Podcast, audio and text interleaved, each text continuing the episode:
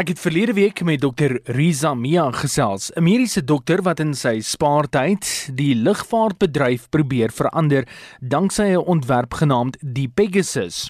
Die Pegasus is 'n kommersiële straler wat op een plek sal kan land en opstyg danksy koue lug vertikale opstyg of landing. Dit kan lugvaart verander veral in 'n kommersiële aspek. Dr. Rizamia verduidelik dat hulle op hierdie stadium net kyk na 'n klein straler in plaas van 'n groot kommersiële straler en hy verduidelik hoekom. So the limit on the size uh, for now is because we wanted to fit onto a helipad. Because vertical takeoff is pointless if you need a huge airfield anyway. Then you might as well go to the airport.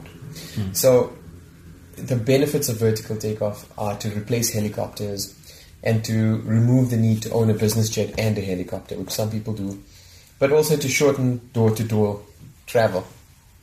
When uh, you increase that size, like I say, you won't be able to just land it mm. anywhere, like in the city anyway. So we've sized it to that size purely for helipad convenience, mm. and it means you can fit about nine passengers and a pilot in the plane.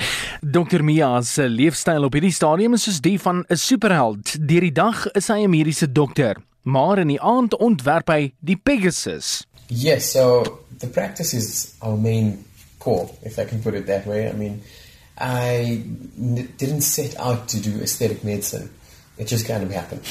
And so it, it really, I was, I think I was led there and patients just kept coming back and bringing their friends and family, and they were happy, so I was happy. And that's how it became my full time job.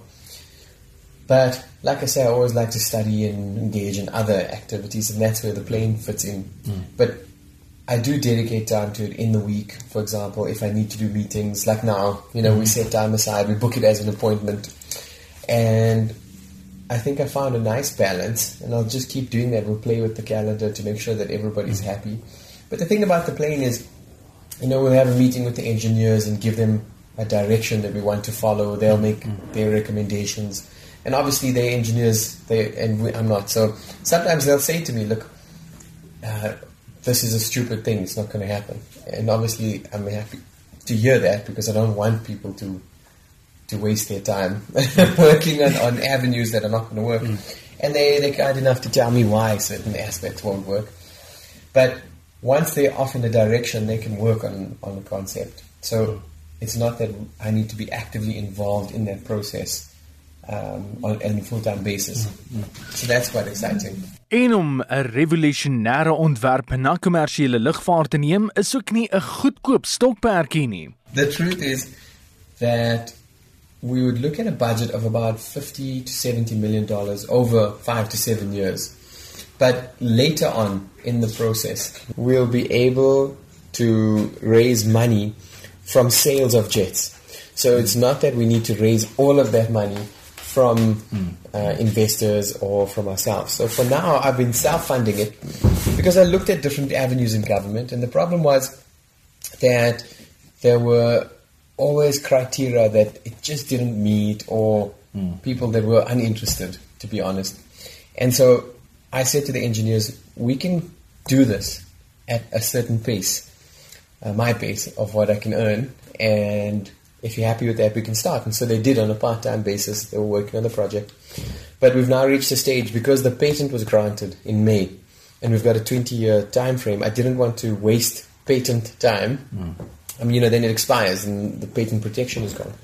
So I thought we need more engineers, we need more money, and that's when we did the public share sale which is a form of crowdfunding that we're looking at, combining the, the old way of using public companies, you know, going through the legal process with the CIPC, which we've done, and we've got the authorizations and approvals, um, with the modern methods of marketing, which is you know media, social media, and just combining those two worlds to create our own crowdfunding platform because we don't have Kickstarter here. Mm-hmm. So.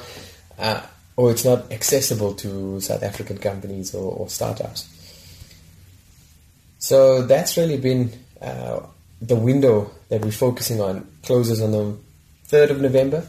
So we're in that process right now. We've had a nice response from the public and from bigger investors, uh, industry insiders, which gives us nice confidence because mm. if people who are investing in airplanes are now investing in our airplane, it, it shows that uh, you know people who know about the the field uh, actively engaging with us. It gives us good confidence. Dr. Riza Mia, die brein agter die Pegasus wat dalk 'n revolusionêre verandering aan kommersiële lugvaart binne die volgende 5 tot 10 jaar gaan bewerkstellig en wie weet, danksy 'n Suid-Afrikaanse ontwerp kan jy dalk binne die volgende dekade nie van 'n 4. iets kilometer aanloopbaan gebruik maak om jou vakansie mee te begin nie, maar van 'n vertikale lansering by 'n lughawe.